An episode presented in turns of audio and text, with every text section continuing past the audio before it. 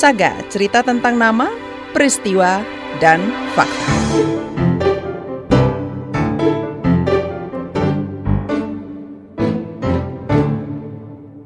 Hari ini kami mengajak Anda ke Pontianak bersama jurnalis Dian Kurniati. Ini kali pertama saya ke Pontianak. Sekarang hari Minggu dan saya sedang berada di pusat kota, tepatnya di tepi Jalan Gajah Mada. Jalanan lumayan ramai. Di sepanjang jalan utama ini, di kanan dan kiri banyak warung kopi. Dan saya lihat ada banyak pula pengemis. Masih muda usianya, kisaran 20 hingga 50 tahun tapi mereka memilih untuk mengemis.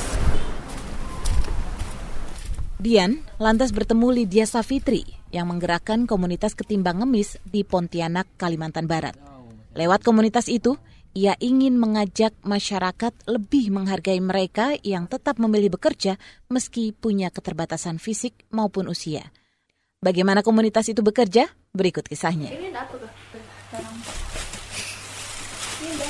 Lydia Safitri, 20 tahun, gelisah.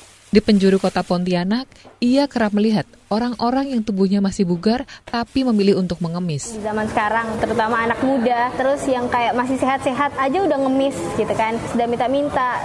Sementara, banyak juga orang yang justru tetap bekerja meski punya keterbatasan.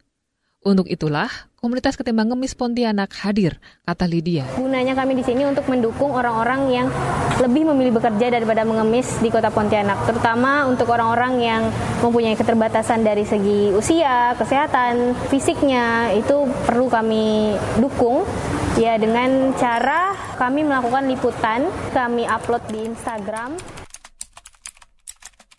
Bagi komunitas ini, mereka adalah sosok inspiratif Komunitas ketimbang ngemis lantas membantu mereka dengan mempromosikan jasa dan barang yang mereka jual lewat akun Instagram yang memiliki 6 ribuan pengikut. Yang udah dipublikasikan antara lain adalah sosok-sosok inspiratif yang merupakan pekerja keras uh, dan memiliki keterbatasan dari segi usia, fisik, kesehatan, uh, dan gender mungkin dan tetapi tidak pernah menyerah untuk bekerja keras.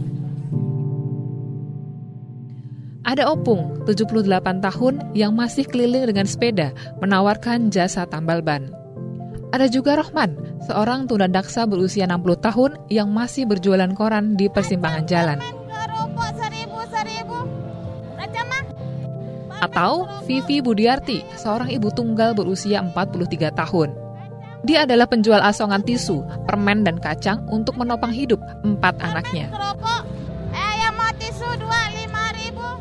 Setelah unggahan tentang dirinya dimuat di Instagram ketimbang ngemis Pontianak, Vivi sempat merasakan pendapatannya naik sampai tiga kali lipat. Alhamdulillah laris gitu. Saya nggak tahu sebenarnya gitu tuh dimasukkan gitu. Jadi semenjak ada tahu gitu, barulah uh, orang-orang Pontianak langsung beli tisu. Lagian pun saya jual tisu pun tidak mahal.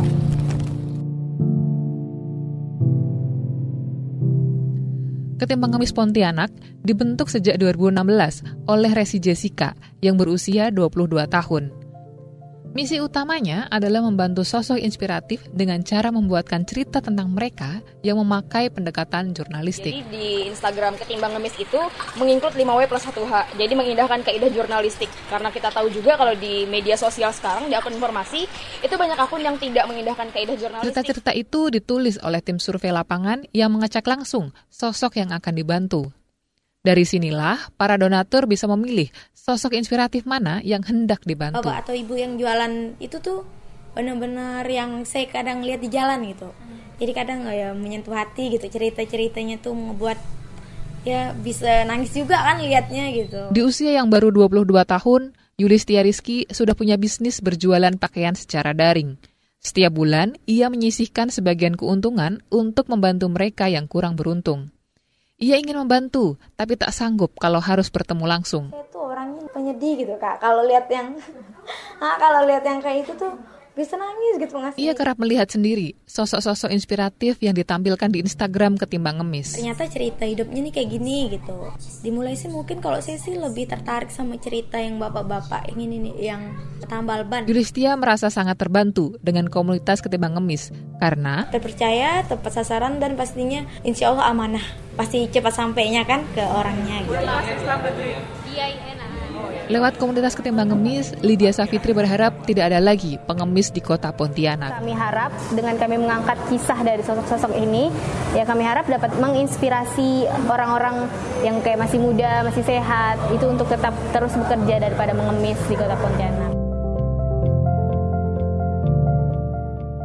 Demikian Saga KBR, saya Dian Kurniati, terima kasih sudah mendengarkan. Itu tadi Saga Persembahan KBR, terima kasih sudah mendengarkan. Saya Nuri Kamanan, salam.